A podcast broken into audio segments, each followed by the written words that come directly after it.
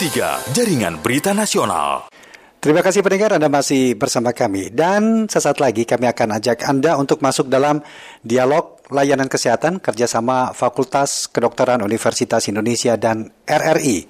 Tema yang akan kami bahas adalah waspada minum manis tinggi fruktosa, efeknya terhadap jaringan lemak tubuh. Karena mungkin sadar tidak sadar sering kali ya kita lebih memilih terutama kalau di siang-siang hari ini panas terik rasanya kalau tidak mengkonsumsi minuman dingin dan manis itu masih kurang seger. Jadi itulah yang sering kali menjadi pilihan kita untuk menghilangkan uh, trik yang yang kita rasakan. Tapi tidak sedikit juga bagi dari kita yang mungkin kurang memperhatikan sebenarnya manis yang terkandung dalam minuman yang kita konsumsi itu uh, baik tidak sih bagi tubuh kita, terutama efeknya apa sih? Untuk jaringan lemak tubuh kita. Nah, pagi hari ini kami akan hadirkan tema tersebut, waspada minuman manis tinggi fruktosa, efeknya terhadap jaringan lemak tubuh dalam dialog layanan kesehatan.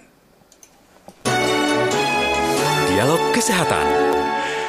Saya sudah tersambung melalui telepon bersama dengan Dr. Dewi Sukmawati MKes PhD dari Departemen Histologi.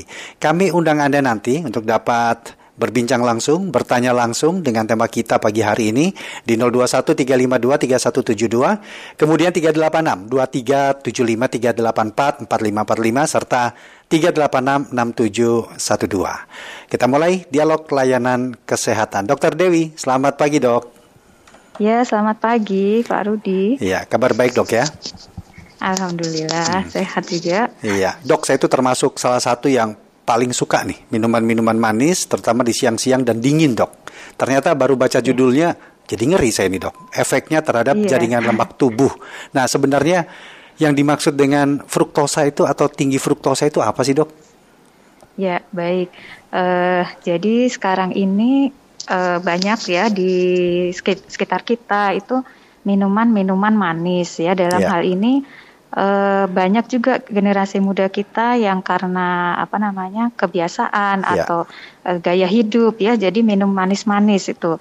Nah itu uh, patut kita waspadai karena mm-hmm. uh, ketika itu di Amerika sudah pernah terjadi ya jadi mereka lebih suka minuman soda manis-manis akhirnya terjadi uh, peningkatan angka obesitas, diabetes oh, gitu. Yeah, yeah, yeah. Nah, itu sekarang sepertinya sedang uh, apa berjalan atau sedang ongoing di Indonesia gitu ya. Hmm, Kalau kita hmm. lihat uh, bahkan anak-anak pun sekarang sudah tampak uh, gemuk-gemuk ya. Jadi tidak selalu yang gemuk itu sehat ya juga hmm. bagi anak-anak. Yeah. Nah, sekarang uh, angka diabetes dan obesitas di Indonesia juga semakin meningkat ya. Yeah. Nah, uh, sejumlah penelitian itu menunjukkan bahwa antara lain itu adalah gaya hidup ya. Hmm. Selain kurang olahraga ya karena sedentary life, juga salah satunya adalah uh, minuman manis ya, hmm. terutama yang tinggi fruktosa. Hmm, yeah. Nah, fruktosa itu sebenarnya uh, seperti gula biasa ya, sama seperti glukosa seperti, begitu dok? Iya, seperti okay. glukosa, tetapi berbeda uh, jenisnya saja ya, sama-sama golongannya monosakarida, tetapi yeah. uh, berbeda secara biokimia atau secara kimiawinya berbeda ya. Hmm. Nah, fruktosa biasa digunakan untuk pemanis ya karena itu uh, biasa minuman apa yang kita beli ya biasanya ya, yang dikemas atau yang minuman jadi yang sekarang itu biasanya uh, menggunakan fruktosa ya. Fruktosa iya hmm. karena uh, relatif uh, lebih murah ya dan bisa diproduksi dalam jumlah besar gitu ya. ya. Pengganti gula maksudnya begitu dok ya? Iya pengganti gula hmm. ya karena dia bahan pemanis ya, ya. karena itu kalau kita sering minum manis-manis ya uh, makanya harus hati-hati artinya minum di luar rumah ya yang kalau di luar yang kita bikin sendiri gitu ya. hmm, ya biasanya hmm. ada kandungan fruktosanya. Nah, okay. itu yang harus diwaspadai. Jadi pemanis buatan katakanlah begitu dokter uh, Dewi ya? Ya. Fruktosa ya, itu uh, sama dengan glukosa mirip tetapi berbeda begitu ya? berbeda. ya? Berbeda. Iya, jadi normalnya sebenarnya fruktosa itu juga banyak didapatkan pada buah-buahan ya, tetapi ya. Uh, kalau kita mendapat uh, manis dari buah itu uh, sehat ya karena mm -hmm. di mhm. dalam buah juga ada kandungan antioksidan, ada serat ya mm -hmm. sehingga mm -hmm. uh, apa tidak tidak membahayakan gitu. Tetapi kalau itu sudah uh, dibuat dalam bentuk khusus diproses yeah. ya dibuat uh, pemanis buatan tersebut maka itu yang uh, membahayakan ya karena bisa meningkatkan uh, pembentukan jaringan lemak ya jadi okay. dia ditimbun di jaringan lemak kita. Iya. Apakah semua fruktosa atau pemanis buatan lah dok ya, yang mungkin iya. uh, terkandung di dalam minuman-minuman kemasan yang sering kita konsumsi itu selalu berbahaya? Atau memang harus nah. ada kadar tertentu itu baru dikatakan, wah ya. ini bahaya nih buat buat tubuh ya. kita. Gimana nih? Ya. Ya, baik. Jadi sebenarnya kalau dalam jumlah aman yaitu mm -hmm. dikatakan uh, sekitar 0 sampai 8 gram per hari itu masih normal ya dan yeah. kalau itu lebih dari 100 gram ya per hari kemudian dikonsumsi terus-menerus dalam jangka waktu lama artinya tinggi terus gitu nah itu baru yang dapat uh, membahayakan terhadap oh. sistem metabolisme kita. Iya. Kan kita kan mungkin ya. nggak ya. tahu dok ya ngukur 0,8 ya. itu segimana. Ya. Misalnya lah kita beli minuman kemasan, apakah selalu ya. minuman kemasan itu pertama uh, manisnya itu terbuat dari fruktosa dan itu berapa ya. kadarnya di atas 0,8 nggak ini dok?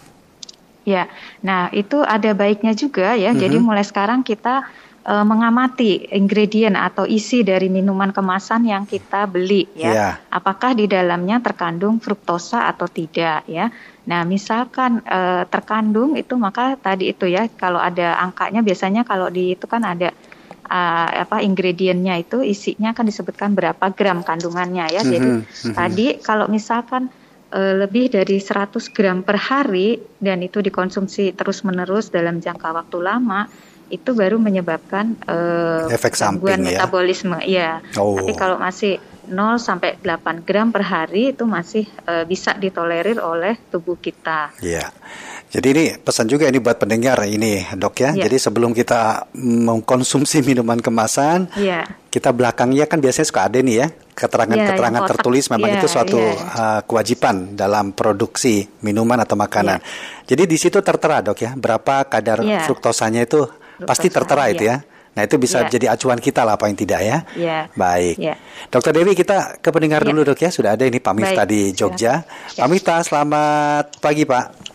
Selamat pagi, Sugeng Menjing. Assalamualaikum dari Yogyakarta. Waalaikumsalam. Silakan dengan Dokter Dewi Sukmawati. Apa yang ingin ditanyakan ini Pak? Eh, Assalamualaikum Bu Dokter, Bu Dokter Dewi. Waalaikumsalam warahmatullahi wabarakatuh. Ya Pak, eh, silakan. Eh, dari penjelasan Bu Dokter tadi kan saya dapat menyimpulkan gini jadi e, gula itu atau makanan lain itu kan kadang-kadang memang kalau berlebihan itu kan berbahaya. Seperti juga kan kalau di rokok itu kan ada peringatan kalau perokok dapat menyebabkan kematian atau kanker. Kenapa kalau di gula dan mungkin e, kayak mie instan itu kan sama berbahaya juga bagi anak. Jadi kenapa di produk makanan lain itu nggak dikasih label kayak gitu. Jadi hmm. agar supaya apa? Jadi nanti konsumen itu berhati-hati. Jadi kalau berlebihan nanti bisa bisa berbahaya seperti bahayanya rokok juga. Tapi tidak semua orang itu kan tapi tidak semua orang kan ya dengan membaca ini Pak Miftah perokok nih berarti. Minta keadilan ini. Saya tidak merokok oh gitu. Kalau, iya. kalau ada itu kan ada gambarnya yang mengerikan tuh loh. Ya mungkin yeah, kalau yeah, di, yeah. di, berbunda atau ber yeah itu ber MSG itu kan nanti dikasih. Oke okay, Pak Miftah. Jadi anak-anak ya. ada ada ada alasan takutnya jadi agak berhati-hati mengurangi uh, makanan yang kayak gitu. Oke okay, Pak Miftah ya. Iya. Konsumsi gula berlebih dapat membunuhmu. Mungkin begitu ya ini maksud Pak Miftah ini Dokter Dewi ya. yeah, yeah, Tapi Dok sebelum dijawab uh, kita jeda dulu Dok ya. Kita ikuti dulu informasi singkat dari ruang gatekeeper kami dan pasti bertanya-tanya juga nih pendengar, benarkah seperti itu atau memang ini masuk akal juga apa yang disampaikan oleh Pak Vifta? Sebentar dok ya, yeah, kita jeda yeah, dulu sesaat. Yeah, baik, baik. Kilas Berita. Banjir mengepung sejumlah titik di Kabupaten Banggai, Sulawesi Tengah minggu kemarin di mana peristiwa tersebut membuat seorang warga meninggal dunia setelah terseret arus air. Kepala Pusat Data Informasi dan Komunikasi Kebencanaan BNPB Abdul Muhari menyatakan banjir terjadi setelah hujan dengan intensitas tinggi mengguyur wilayah Kabupaten Banggai. Data sementara ada lima desa di Kecamatan Bunta yang terdampak banjir adalah Desa Tuntung, Desa Nangaon, Desa Pongyan, Desa Kalaka, dan Desa Salabenda. Untuk informasi lain pendengar bisa Anda akses di rri.co.id.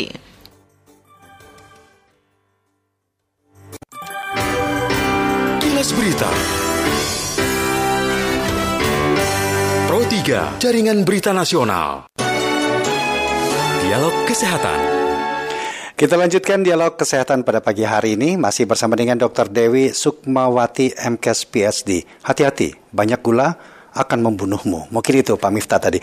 Tapi dok, nggak apa-apa ya kita tahan dulu atau kita tampung dulu Pak Miftah. Ini sudah ada dua pendengar lagi nih dok yang akan bertanya baik. atau berinteraksi pagi hari ini. Pak Ramadan dan Baik. Pak Upi di Bone. Pak Ramadan dulu deh di Jakarta. Pak Ramadan, selamat pagi. Terputus Pak Ramadan ya, bisa dicoba lagi Pak. Pak Upi di Bone, selamat pagi. Selamat pagi, Assalamualaikum warahmatullahi wabarakatuh. Waalaikumsalam. Silakan dengan Dr. Dewi Sukmawati. Ya, selamat pagi dok. Assalamualaikum. Ya, Waalaikumsalam. Silakan Pak.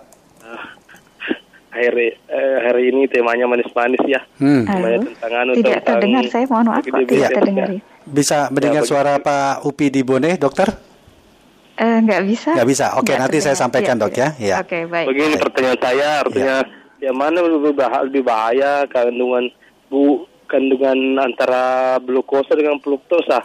Mhm. Karena yang pernah saya dengar itu karena kedua dua saat ini termasuk anu, termasuk manis karena eh, bagaimana ya? Ya. Ini termasuk dietnya mau Oke. dikurangi katanya. Tidak boleh terlalu di anu dikonsumsi terlalu banyak dalam satu hari. Ya. Cuma itu mas. Terima kasih Pak Upi di Bone ya. Selamat pagi. Kalau Pak Upi bertanya begini dok, lebih bahaya mana sih glukosa atau fruktosa? Dan apa yang harus dilakukan? Silakan mungkin dari Pak Miftah tadi juga bisa ditanggapi juga ini dok. Baik, baik. Oke, nah tadi eh, menanggapi dari Pak Mita, kenapa tidak ada peringatan ya? Jadi mungkin memang karena eh, makanan tersebut atau minuman yang mengandung fruktosa itu artinya eh, biasa dikonsumsi sehari-hari ya. Jadi eh, tidak tampak gitu ya bahayanya. Se- kemudian juga secara normal artinya fruktosa juga terdapat di dalam buah-buahan ya. Jadi artinya tidak selalu berbahaya. Jadi kalau dia berlebih baru dia eh, berbahaya terhadap metabolisme tubuh kita ya. Karena itu eh, memang mungkin yang perlu digalakkan adalah tadi itu ya apa eh, kampanye untuk mengurangi konsumsi gula mungkin seperti itu ya. Jadi itu mulai di eh, didengungkan atau dipromosikan sejak anak-anak ya. Jadi mungkin di sekolah-sekolah ya agar mengurangi minuman-minuman kemasan yang manis ya. Iya. Itu mungkin eh, salah satu usul yang baik ya. Mhm. Tapi kalau sampai menimbulkan apa dikasih gambar tengkorak ya mungkin belum sampai ke sana ya. Karena Ini dalam dokter langsung nyebutin gambar tengkorak lagi dok ya. Iya. Soalnya di rokok juga nggak ada gambar tengkorak loh dok. Iya, ini rokok aja masih banyak yang min, ah, Apa mas- sih apa, tujuan masih banyak Iya. yang memakai ya gitu. Nah mungkin itu jadi eh, secara normal dia masih eh, dapat ditolerir oleh tubuh ya, kecuali berlebih baru menimbulkan bahaya ya. Iya. Karena itu tidak bisa langsung dikasih bahaya gitu ya. Oke. Kemudian yang kedua eh, Apa, Bah? bahaya mana glukosa dan fruktosa, fruktosa iya. ya. Ya, sebenarnya kedua-duanya kalau berlebih itu dapat berbahaya ya. Mhm. Eh, glukosa juga kalau dia berlebih dapat eh, meningkat dan eh, menyebabkan juga diabetes Iya, ya, seperti yang sudah diketahui. Nah, fruktosa ini sebenarnya kalau dia sama-sama berlebihnya jauh lebih berbahaya ya Oh. karena dia juga bisa menyebabkan eh, resistensi insulin ya sehingga Ya. hampir sama dengan eh, glukosa dia juga bisa meningkatkan apa namanya eh, kadar gula darah ya kalau Mhm, jumlahnya mhm. berlebih ya. Karena resisten Kemudian tadi juga- terhadap insulin ya dok ya. Iya, iya sehingga tidak bisa masuk glukosa itu tidak bisa digunakan oleh jaringan tubuh seperti otot, Ya. eh, kemudian yang lain ya. Nah, si fruktosa ini juga dia eh, mempengaruhi eh, leptin ya. Leptin itu yang menimbulkan rasa kenyang gitu ya. Jadi ada alarmnya. Nah, si fruktosa ini dia menye- apa tidak menyebabkan tidak sensitif sehingga kita bisa makan dalam jumlah banyak yang mengandung fruktosa tanpa menimbulkan rasa kenyang Oh, gitu. dampaknya tidak memberikan rasa kenyang. Jadi sehabis Iya. kita mengkonsumsi yang mengandung fruktosa ini, kita tetap bisa makan dok ya. Iya, jadi Oh, terus aja iya, gitu nggak iya. sadar sehingga kita tadi itu mudah terjadi obesitas, Obesitas tadi ya. tadi. Iya, Oke. ditambah dengan kurang gerak ya. Iya. Sekarang kan eh, apa-apa. Online ya, jadi tambah kurang gerak gitu. Jadi lebih lebih ini lagi efeknya iya. gitu ya. Baik, Dokter Dewi, sebelum uh, ya. lebih jauh lagi ke dampaknya dan efeknya tadi, Dok ya. Uh, memang tidak ada manfaatnya gitu, Dok, fruktosa itu sendiri buat tubuh kita? Iya, manfaatnya sebenarnya uh, ada juga ya artinya sama seperti glukosa dia kan uh, sumber karbohidrat ya sumber energi jadi mm -hmm. uh, bisa kalau misalkan tadi untuk dalam jumlah yang ter apa yang dapat ditolerir itu dia juga sama memberikan energi ya jadi kadang kalau kita uh, capek atau apa misalkan minum manis kalau misalkan masih dalam uh, apa namanya dalam jumlah yang ditolerir itu ya. tidak apa-apa. Jadi menimbulkan ini juga tadi apa energi ya menghilangkan kelelahan tadi seperti itu misalnya. Hmm. Tapi kalau berlebih baru dia uh, berbahaya ya. Dan juga dia juga ada di dalam buah-buahan ya. Jadi uh, artinya manfaatnya hampir sama dengan uh, glukosa kalau dilihat dari uh, untuk menimbulkan energi dan yeah. juga sebagai pemanis tadi. Hanya saja kalau dia berlebih, nah itu yang berbahaya. Mm -hmm. Nah ini kurang kurang apa?